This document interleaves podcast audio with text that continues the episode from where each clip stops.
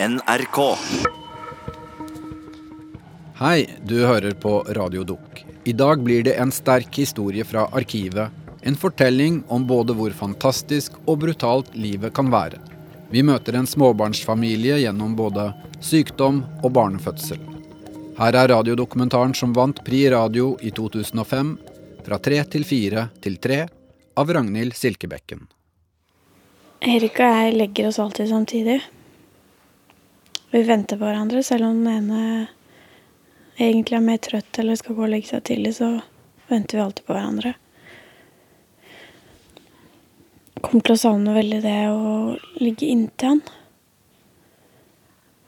Ligge oppå den hvite T-skjorta som han alltid Han har alltid hvite T-skjorter. Alltid størrelse ekstra large fra Dovre. Så lukter han så godt. Han lukter utrolig godt. Og så er han veldig, veldig myk å ta på. Samtidig som han har masse hår og er veldig mandig, syns jeg på den måten, så er han Huden hans er så myk. Og det er kanskje noe av det fineste vi har sammen, det er at vi er veldig, veldig glad i å ta på hverandre. Og syns at begge to er så myke.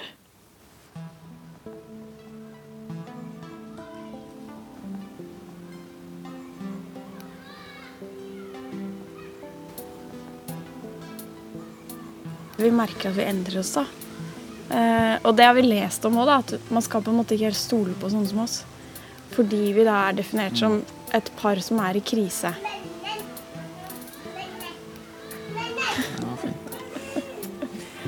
Det er liksom oss. Ja, ja. Vi slåss litt om hvem det er. Hvem som har det hvem sine fysiske behov som skal dekkes. først og fremst hvis de kommer i konflikt. da. Nå er Yvonne gravid, må kanskje ha bena høyt, og så har de da opp der hvor, på stolen min hvor jeg sitter og trenger å ha skostøtte i ryggen, siden jeg har kreft i ryggsøylen og i skjelettet. Og da plutselig blir jeg sittende rundt. Fra tre til fire til tre. En radiodokumentar om kjærlighet, nytt liv og død. Jeg ser for oss liksom oss to da alene der vi bodde før, da, uten barn, å få den beskjeden her. Det, vil, det tror jeg ville vært mye vanskeligere. Det ville vært nitrist, liksom. da. Ja. Det er jo noe annet det å gå fra to til én enn fra fire til tre. Selv om det høres litt sånn ut. Et menneskeliv her og et menneskeliv der. Erik, 28, og Yvonne, 31 år, er foreldrene til Sala på to og et halvt. Om sju uker blir familien på tre til fire. Hvis Erik lever så lenge. Erik og Yvonne er på Radiumhospitalet sammen. Det er ett spørsmål de stiller hver gang de snakker med legen.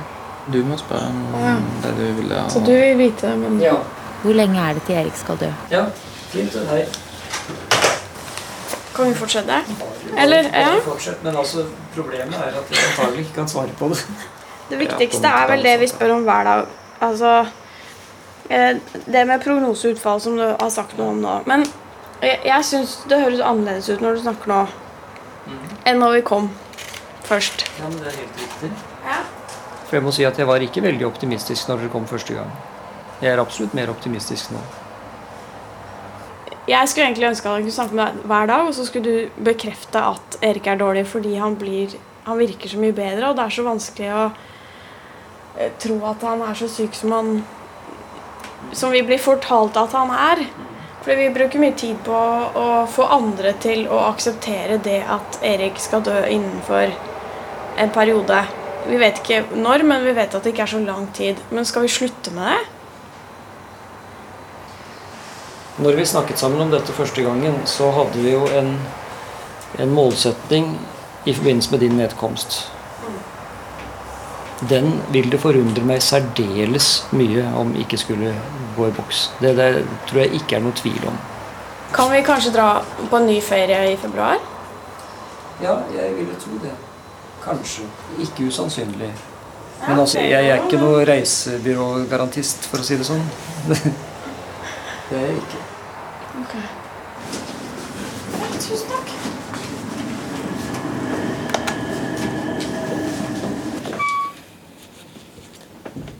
Etter legebesøket drar Erik en kort tur innom jobben på Senter for utvikling og miljø. Han ser frisk ut til å være sykemeldt, med kortklippet, lyst brunt hår. Jeg holder på med doktorgradsstudier, og jeg får kanskje ikke fullført de. Men og jeg får ikke oppleve ting de neste 40 år, kanskje. Men uh, det er liksom ikke tilstrekkelig til at uh, jeg skal synes synd på meg selv. Men jeg synes synd på, på de som blir igjen, og som mister en viktig person. En pappa og en partner. Og Yvonne har liksom, hun har valgt meg. Hun kunne valgt blant millioner av andre menn. Men hun valgte meg, ikke sant. Hun satset alt på meg. Skal vi på Østersjøvannet og se på fugler i dag? Nei. Skal vi ikke? Nei. Du er så koselig. For Erik og Yvonnes datter Sala går dagene som normalt. På dagtid er hun i barnehagen, og når Erik og Yvonne trenger barnevakt, som i dag, stiller mormor og bestefar mer enn gjerne opp. Hva skal du i dag, skal Se på Pip-Pip. Du skal se på Pip-Pip, ja. Ja. Ved vannet? Mm. Ja. Da må vi kjøre bil. Mm. Ja. Nå sier jeg bil. ja. Hvem sin bil skal du kjøre?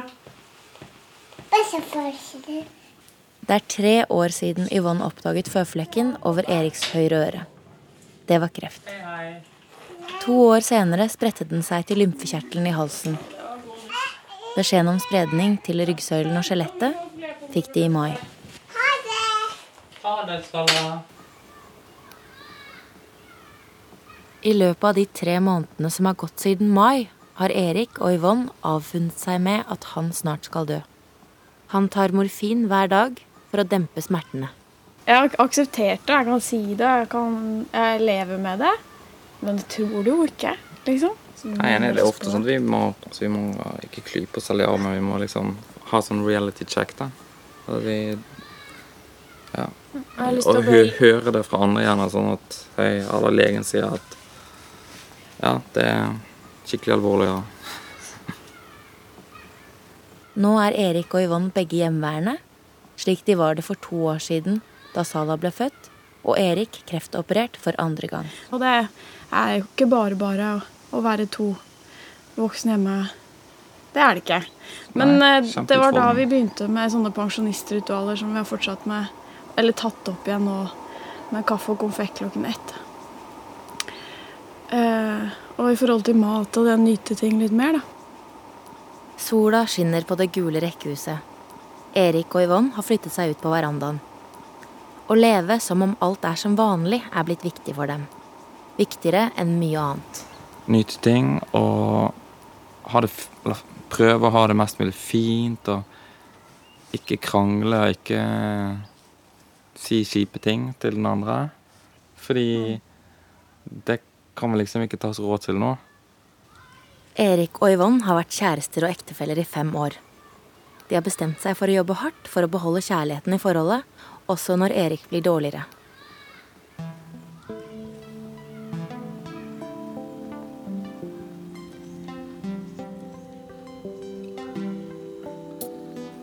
Vi traff hverandre da, da gikk jeg på U-landsstudiet. Og jeg var sånn tidlig fascinert. Eller Jeg tror jeg, jeg, jeg falt for ham fordi han kunne så mye. Så var vi litt i kontakt med han når jeg var i feltarbeid i Uganda. Så, så brukte vi han som fagperson på, på det vi skrev om. I forhold til gjeld og strukturtilpasning og Verdensbanken og sånne ting.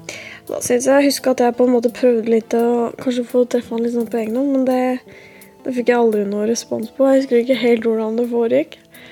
Så tok jeg kontakt med han, da, men tidens eh, dårligste Ja, unnskyld liksom om han kunne forberede meg litt på det jeg skulle ut på.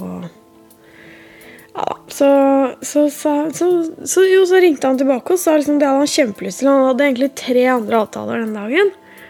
Men uh, han ville heller treffe meg. Og, og for meg, da, så, så syns jeg liksom det høres ut som det er fordi uh, Ja, OK, kanskje jeg liker deg, kanskje du liker meg, men det var det overhodet ikke for Erik. uh, Så, men så traff vi hverandre, og hadde med all, han var veldig godt forberedt. Jeg hadde liksom nesten mer sånn landfakta og, og sånn. Men så var det veldig, veldig hyggelig. Um, jo, jeg syns det var hyggelig hele veien egentlig den kvelden. Mens Erik skjønte først etter at vi hadde sagt ha det, at det der var hyggelig. Og da reiste jeg bort. Og når jeg kom hjem da, så hadde han skjønt at det kanskje var noe, da.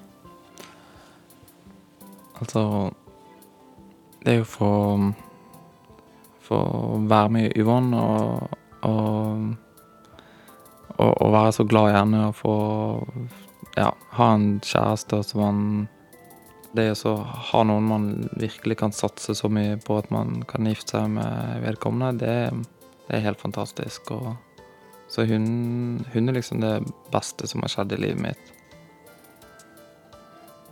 Mindre enn et halvt år etter at de ble forelsket, og uten en skikkelig krangel å slå i bordet med, meldte Erik og Yvonne seg på samlivskurs for nyetablerte par. Og det kurset det var ja, Jeg som leser om og det var jo fordi vi var jo på en måte så sikre på at eh, det skulle bli oss to, samtidig som vi var smerte klar over statistikken med alt. Og så ville vi på en måte gjøre det vi kunne for å hindre at vi skulle bli noe av, av den dårlige statistikken. Vi lærte liksom å snakke sammen og, og, og Mens jeg kanskje ser litt sånn som at Erik lærte mye om, om det. Faktisk. Og så var vi på et oppfølgingskurs et par år etterpå. Prep 2. Men eh, vi ser det er litt sært, og vi har en litt sånn nerdete måte å, å være par på. Det har vi. Veldig omstendelig. Erik har gått på kurs og lært seg å snakke om følelser. Men det er ett tema han helst vil unngå. Det var dette med at hun kan få en ny mann eh, etter meg. Og det har jeg sagt Det kan hun få, liksom. Jeg ønsker å vite at jeg ikke er imot det. Og så er vi ferdig med det. Så vil jeg ikke at vi skal snakke mer om det. Nei. Men eh, vi traff noen andre som også hadde alvorlig kreftdiagnose, da. Og da hadde han vært med å på en måte plukke ut en ny kjæreste til henne. Jeg har foreslått det. Foreslå, ja.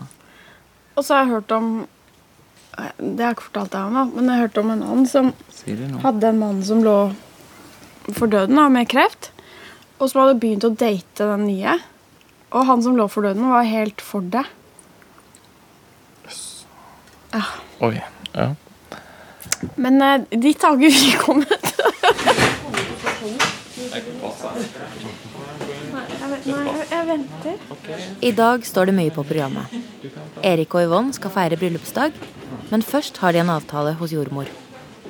Det er ikke uvanlig med to legetimer i løpet av en dag. De har nettopp snakket med legen på Radiumhospitalet. Vi fikk de beste nyhetene vi kunne håpe på. Ja. Det er det. Det er veldig deilig. Vi må feire. Foreløpige resultater viser at kreften mest sannsynlig ikke har spredd seg, og at skjelettet er i ferd med å lege seg selv. Det vil si at Erik får mindre smerter i tiden fremover, og kanskje lever han litt lengre.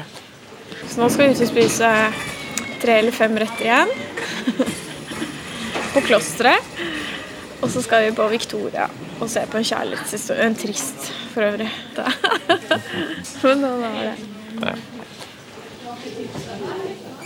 Jeg syns jeg er kjæreste, men Men vi er mye annet òg, da.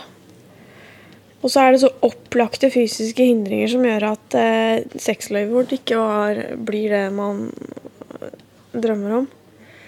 Eh, så sånn sett så er jeg kanskje glad for at jeg er høygravid. Så kan jeg forklare det med meg framfor med han. liksom, At ikke alt er på han hele tiden. Eh, jeg skjønner jo ikke hvordan dette skal gå uten Erik. Og det er jo fordi jeg henter alt eh, ja, Eller det meste jeg trenger derfra. Det er tre og en halv uke til termin.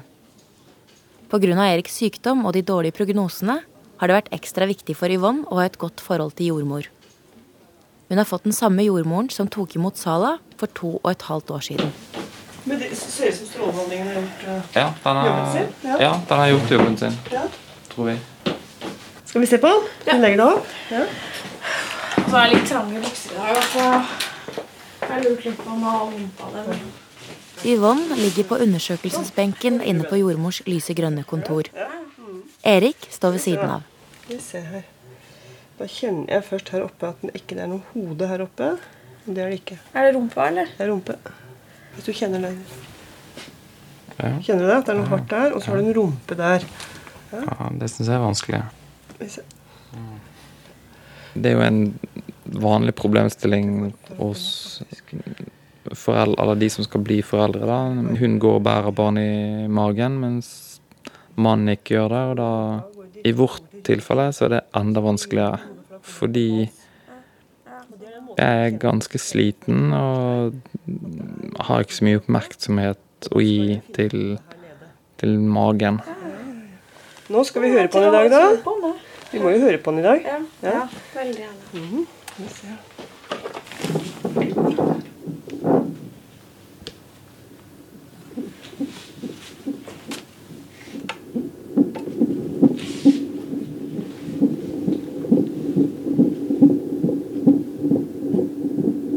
Det går ikke så fort nå. Det går helt normalt. Ligger mellom 130 og 140. Og de ligger vanligvis mellom 120 og 160. Dette her er helt fint. Jeg syns fortsatt at jeg, at jeg er utrolig heldig som ble gravid når vi ble det. For vi hadde jo ikke turt å bli det nå. Eh, samtidig som vi snakker så mye om det, ja, da blir det oss fire mamma på Sala og Nemo, så går vi liksom fra tre til fire til tre. Og det å på en måte bytte ut en med en annen, det gjør at det er veldig spesielt å få det barnet her. Dette, dette er en baby som har det bra inni magen. Litt sånn heste... Høres ut som en sånn galopperende hest. Ja, det var ja, bra. Det var deilig. Ja.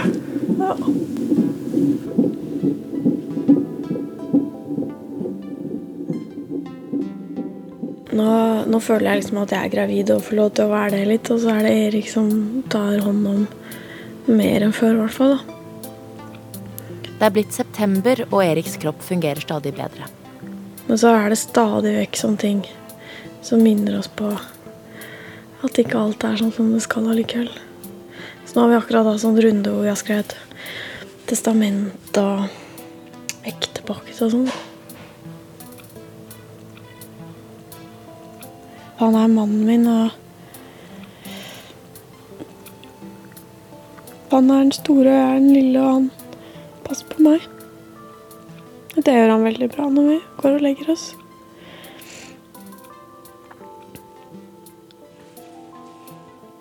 Og sånn som i natt sover jeg godt, og det er unntaksvis at jeg sover godt. Eller å tenke på Jeg tror mye av det kommer fram om natten egentlig nå. Begynte jeg å tenke på ja, men hva hvis, hvis det han får nå Tenk om det er svulst i hjernen, da. At det sprer seg til hjernen. Da kan du jo endre personlighet og, og sånn.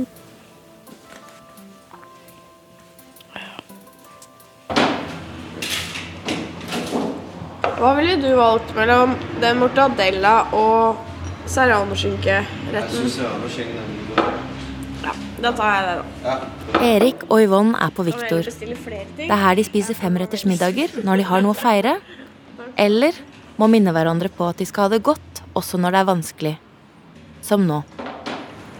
Jeg fikk litt sånn slags hallusinasjoner. Eh, litt sånn déjà vu. Så begynte jeg å kjenne ting eh, i hodet. Jeg hørte stemmer. Eh, hadde mer hodepine. Fikk ofte sånne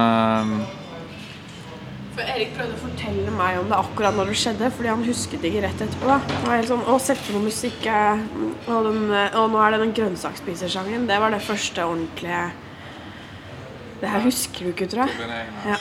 Etter en samtale med legen blir det tatt bilder av Eriks hode. Bildene bekrefter det de er mest redd for. De teller 21 små og større kreftsvulster spredt over hele hjernen. Det er én uke til termin. Den grønnsakspiseren den sitter helt fast oppi hodet. Altså. Og du var ordentlig redd, liksom. Begynte å svette. Og Ja, jeg ble varm. ble Fikk kald sånn og eh, tokt. Ja.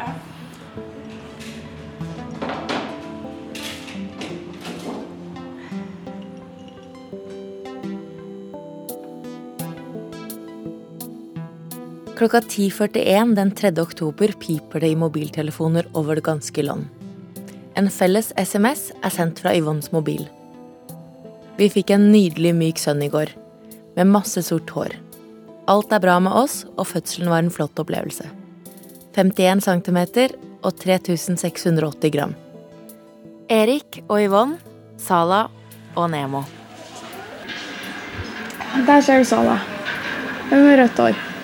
I resepsjonen på ABC-klinikken står Yvonne og venter. Nå er hun strålende fornøyd, for den får du ha på seg støvler. Nå er det regnvær. Å, så fint, da. Sala skal treffe sin tre dager gamle lillebror for aller første gang. Litt sovesveis og Hun ble ikke sikkert hentet i barnehagen mens hun sov. Sala! Hei! Hei!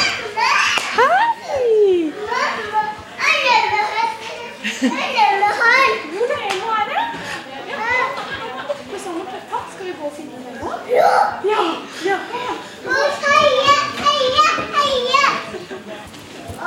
Ja, først må vi kjøre heis. Fire etasjer over passer Erik på Nemo. Skal du trykke? Øverste der. Der. Det er Yvonnes foreldre som kommer med Sala. Mamma har ikke staver. Hvem er Nemo, og Sala? Er det lillebroren din? Ja, det er min Det er min min Lillebroren min. Lillebroren din? Ja. Hvorfor? Oi, der! Har jeg tissepinne? Du hilser på Nemo? Ja. Ja. I dag så er det veldig dumt at jeg går bort på av Jeg har både skapt, vært med å skape to barn, ikke sant. De, de stammer liksom fra meg. Det er mye, mye. Eh, og, jeg, og de er dermed også mitt ansvar, og det ansvaret kan jeg ikke følge opp. For vet du hva, Save? Pappa luktet. Det lukta bæsj. Ja. Nemo, så han har bæsj i bleien. Ja. Den Så bæsjen ser vi, veldig rar ut. da må vi vasker Ja. vaske bort det. Og så har du også sitte på men først skal pappa vaske av bæsjen på Nemo. Og ser du bæsjen? Hei, Nemo. Ja, hei. Han syntes det var fint å få, få bæsjen. Ja. Han ville ikke ha den bæsjen. Vaske bort bæsjen. Og så Nemo mot gulvet. Oi. Oi, oi. Så Nemo bæsjet mer. Oi. Oi. Får vi håpe Nemo er ferdig å bæsje nå, da. Opp, ja. Er du jente eller Oi, nå tisser han. Nå fikk vi alt, altså. Nemo tisser. Jeg ser du Nemo tisser. Å, nå ble alt foten. Ja, tisse på foten og på hånden til pappa og på magen sin. Og nå er vi virkelig ja, Dette blir Nå fikk vi med oss alt. Og så bæsja han. Dette vil jo ingen andre ta.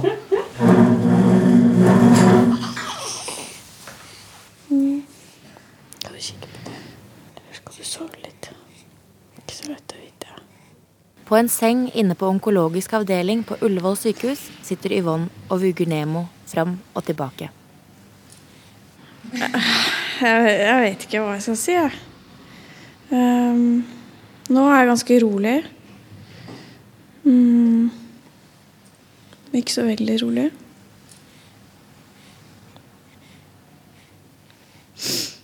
Ehm, jeg vet ikke. I dag er det fredag. Så kom vi hjem fra klinikken med Nemo på tirsdag. Og så var vi tilbake på Ullevål på onsdag. Erik har hatt flere blødninger i svulstene i hjernen. Blødningene førte til hjerneslag, og han har blitt delvis lam i høyre side. På onsdag så var faktisk Erik hjemme med Nemo. Skulle være hjemme 40 minutter alene. Trodde jo at det skulle gå kjempefint. Så når jeg kom hjem, så fortalte han at han falt flere ganger.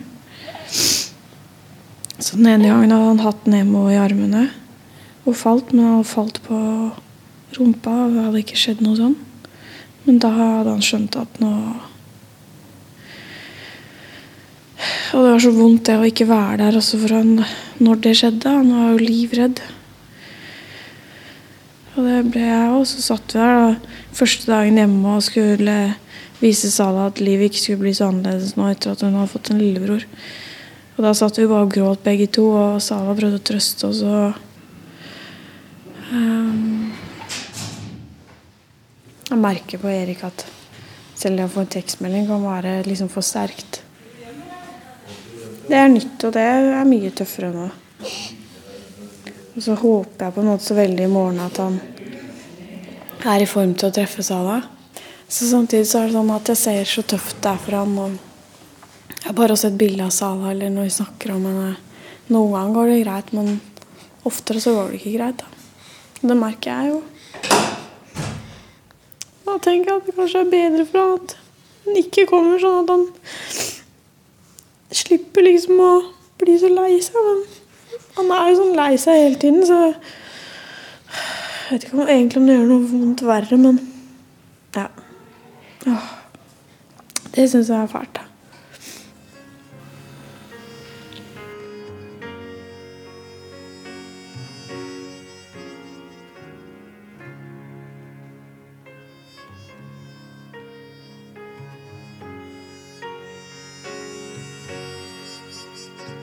Erik vet at han snart skal dø.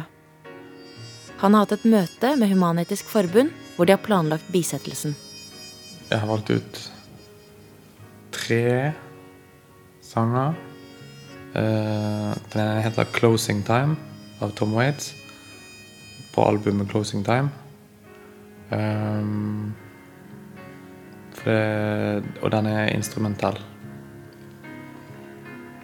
Og den er bare fin. Og 'Closing Time', liksom. Den, er bare kjempefin. Så, så den vil jeg ha med.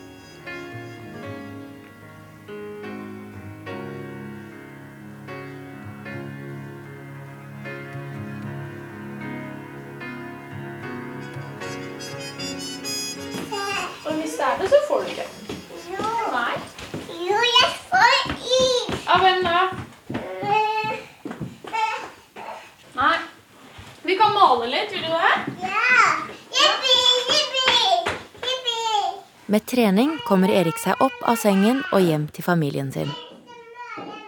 Hjemme hos svigerforeldrene ligger alt på ett plan. Derfor har de byttet leilighet. Så Erik kan bevege seg fra rom til rom i rullestolen. Sånn. Jippi. Mekke, Mikkel, Mekke kan Ikke synge Mekke. Ikke synge Mekke, Mekke. Nei. Nei.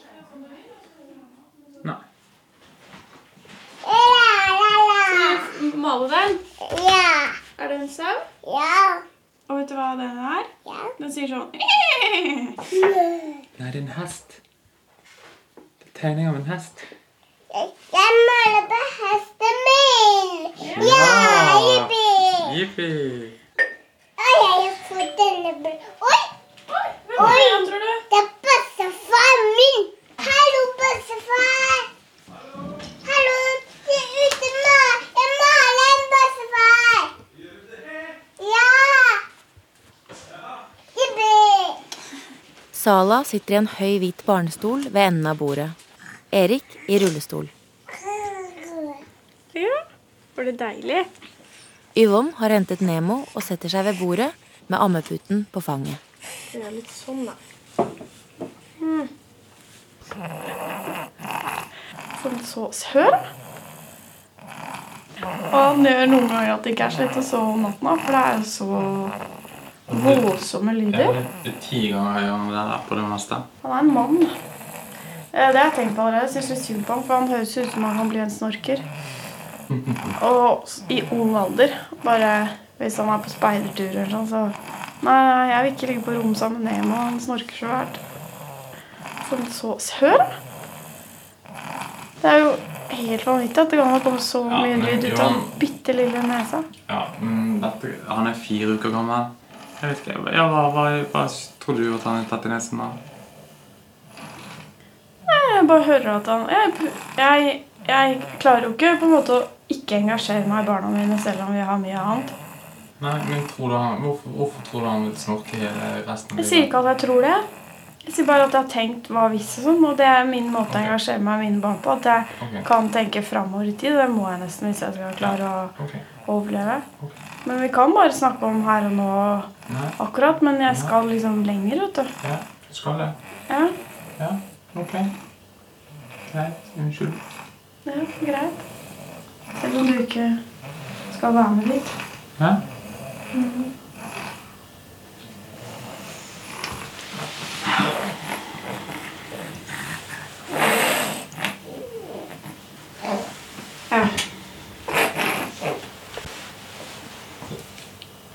Jeg er glad i deg.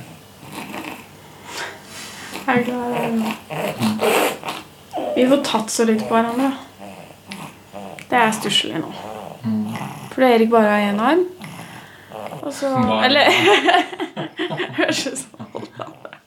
Og så Ja, så er jo ofte mine armer opptatt med alt mulig annet, egentlig. Så vi har snakket om å ha en tavle hvor vi setter kryss hver gang vi tar på hverandre. For å få litt inspirasjon. Sånn å huske på å gjøre det.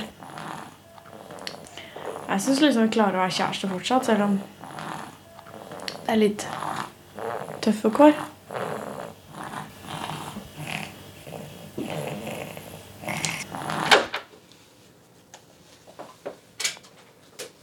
Yvonne har lagt Nemo på et mykt teppe.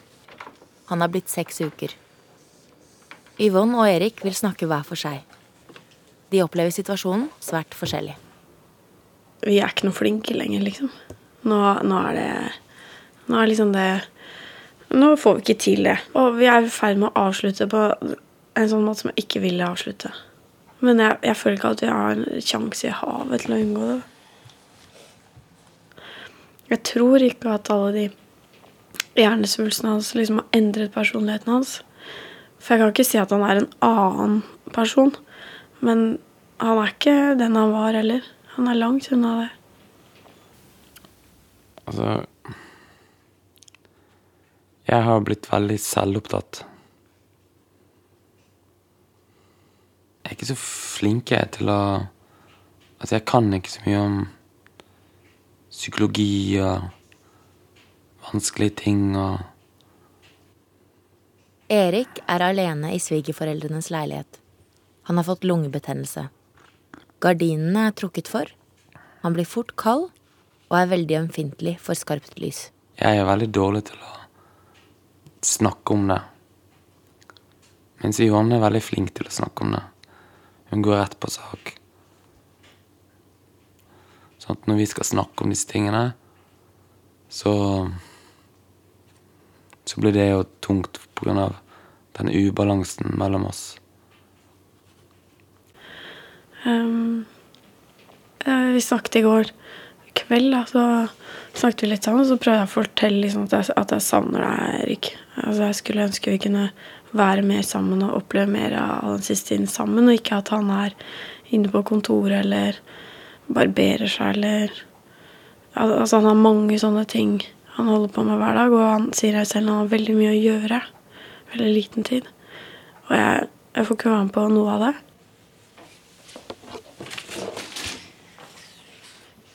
På bordet nærmest seg har Erik plassert det han trenger. Varmt drikke, papirlommetørklær og PC.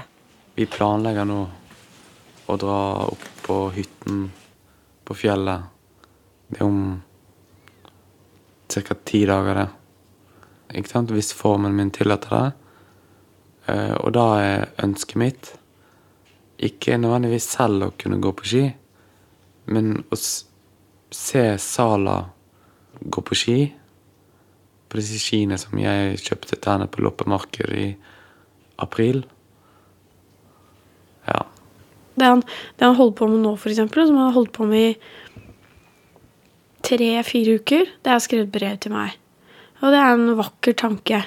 Men som jeg har prøvd å si til han, at det, det brevet her, det koster jo blod for, mine, for min del, fordi for, for, å få det brevet når han dør, så har jeg liksom ofret kanskje en måneds eh, tid med han da, snart.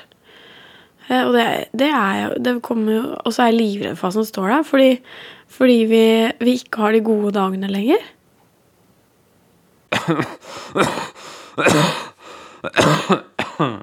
Erik er hoven i ansiktet. Han er nybarbert og har fått en kunstig brunfarge av strålebehandlingen. I det brevet jeg skrev til Johan, da Jeg skriver at Jeg vil Jeg vil du skal følge din egen intuisjon heller enn å tenke på hva jeg, Erik, ville gjort i en gitt situasjon. Mine fem siste år som kjæreste og ektemann for deg har vært de mest berikende i mitt liv. Jeg drømmer derfor om at du ikke skal ta avgjørelser i fremtiden, verken for deg, Sala og Nemo, som du antar at jeg ville gjort. Ja. Medisinsk nødhjelp Lillehammer. Jo, hei. Nå har Yvonne blitt eh, Jeg er gift med en mann som har kreft. Ja. Og som er eh, veldig dårlig. Jeg har vært oppe på fjellet nå for å prøve det. Han har hatt et slag. Eh, Han har mange hjernesvulster. Og nå, når vi skal reise hjem, så syns vi han har blitt merkbart dårligere i løpet av dagen. Men- Hvor er det dere er bosatt, da? Punkt 1. Oppegård Akkurat. Og hvilket sykehus er det han vanligvis eh, sogner til? og Ullevål. Ullevål, ja. Mm. Spørsmålet er om det er, forsvarlig da, å reise helt dit, eller om man må gjøre en, eh, en stans her for å få en vurdering. Jeg tror kanskje det siste. Hvordan ja. skal vi ta det litt praktiske her. Eh, Mannen din, han heter Erik Blytt. Blytt. ja, Han er født den 2012 20.12.75. 2012-75, ja. Mm. Han er kontaktbar. Ja, men mindre. eh, Sløv. Mm. Mm. Rykker høy, venstre øye. Mm. Veldig varm, skjelver over hele kroppen, rister i kroppen. Har han kramper, er det det du sier, eller? Nei, han bare rister, skjelver. Jeg foreslår at vi sender ut eh, Da blir det nærmeste blir ambulansen i, i Gausdal, da. Ambulanse fra Gausdal, ja. Skal vi si det sånn? Fint, da. Hei.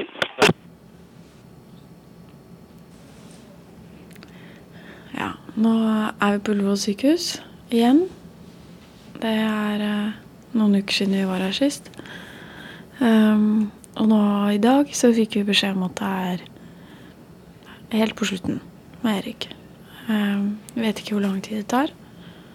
Ehm, han er på veldig, veldig dårlig. Han er faktisk klar, eller jo, klar i hodet kan snakke, men syns det er veldig veldig slitsomt. Så han snakker Sier nesten bare ja og knapt nok det. Ja, så nå skal han dø, da. Mm. Ja. Det er helt forferdelig. Det er helt forferdelig. Og så merker jeg at det er alle de små tingene. Bare sånn som å sitte og kikke på hånda og vite at bare noen få dager så kan jeg holde i den lenger. Eller den kan ikke holde i meg. Ja, det er helt er helt ubeskrivelig. Det er det. Yvonne har på seg de samme olabuksene og ulljakken hun hadde på seg når de dro fra hytta i ambulanse. Og fortsatt så er det sånn det er så forferdelig vondt å miste han. Fordi han er så god. Og i dag så kjente jeg Jeg sitter og prøver å skrive noe som jeg har lyst til å si i begravelsen hans. Og da merker jeg at det jeg syns er verst, er liksom at At At jeg, da, først og fremst liksom mister kjæresten min, men at uh, Salah Nemo ikke får glede av alt det han har å, gi, egentlig. På måten, måten han tenker på er helt rar, men den har en utrolig verdi i seg selv fordi den er så annerledes. Så godt å være sammen med noen som bare er helt annerledes. På en ren og god måte. For det er liksom ikke noe ondt i han. For 14 dager siden var det vanskelig for Yvonne og Erik å ta vare på hverandre. Men så fikk jeg så dårlig samvittighet, fordi han hadde jo lungebetennelse. Um, så i det siste har jeg hatt det veldig, veldig fint. Og snakket mye sammen og Det var veldig fint å dra på fjellet også. At han var god der og, og fikk sett Sala stå på ski. Og hun viste seg å være et naturtalent, selvfølgelig. Nei da, det var absolutt ikke noe selvfølge ut ifra hennes uh, motoriske ferdigheter tidligere. Men uh, vi var veldig stolte, for hun ikke bare skled hun framover, hun løftet ikke føttene i det hele tatt, men også når hun skulle snu seg, så bare trippet hun liksom skiene ved siden av hverandre sånn lett, uten liksom å komme i kryss eller noen ting. Og syntes det var kjempemorsomt å stå på ski. Nemo er blitt to måneder. Det var Eriks sterke ønske om det som fikk den lille familien opp til hytta. Prøver å ikke presse han til å snakke for mye, for jeg ser at det er slitsomt for han. Så har vi jo blitt enige om at vi har snakket om alt. En undersøkelse på sykehuset i Lillehammer viser minst tre nye blødninger i hjernen. Det siste vi har snakket om, er hva han skulle ha på seg i, i kisten. Når jeg ser for meg Erik ja, Alltid nesten så har han på seg de grønne skibuksene dine. Som fjellutstyr. Og aldri jakke, egentlig. Men uh, sånn blå genser under der. Og så er det seler på den buksa. Det er sånn høy med høyt liv. Veldig, han er utrolig kjekk i det. Og så har han noen gedigne skistøvler som han har insistert på å bruke selv i sånne lette turløyper med meg. Og så, så spurte jeg da liksom om han hadde noen tanker om hva han ville begraves i. Det hadde han ikke. Så sa jeg at han tenkte og det var helt greit. Men så sa han at jeg tror ikke det er plass til de skistøvlene oppi kisten. Og det får vi se da om det er plass eller ikke. Ja.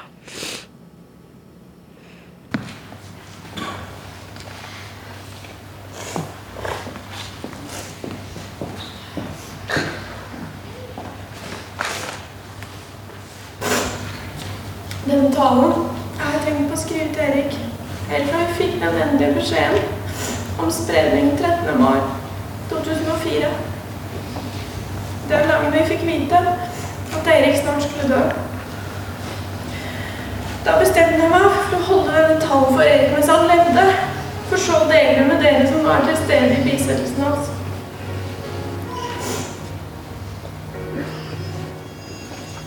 Kjære Erik. Den talen har jeg tenkt på å skrive til deg helt fra vi fikk den endelige beskjeden om spredning den 13. mai 2004. Jeg forestiller meg at det jeg sier til deg nå, blir mye av det samme som jeg ville sagt til deg i sølvbryllupet vårt. Det gjør meg usigelig trist. Tusen takk for at du først har vært så fantastisk å leve med. Det har også gjort det mulig å være sammen med deg idet du skal dø. Jeg vil gjerne takke deg for de nydelige barna du etterlater meg med. De har begge trekk som åpenbart kommer fra deg. Sala, i tillegg til å se ut som en rødhåret utgave av deg, kan ikke gå forbi en åpen dør eller skuff uten å lukke den. Liker ikke å søle og er skeptisk til alt som er skittent. Det har hun ikke fra meg. Nemo ser ut til å ha arvet ditt vennlige og rolige vesen og gode sovehjerte. Kjære Erik. Du er mitt livs stor kjærlighet, som jeg har vært uendelig glad for å dele livet mitt med.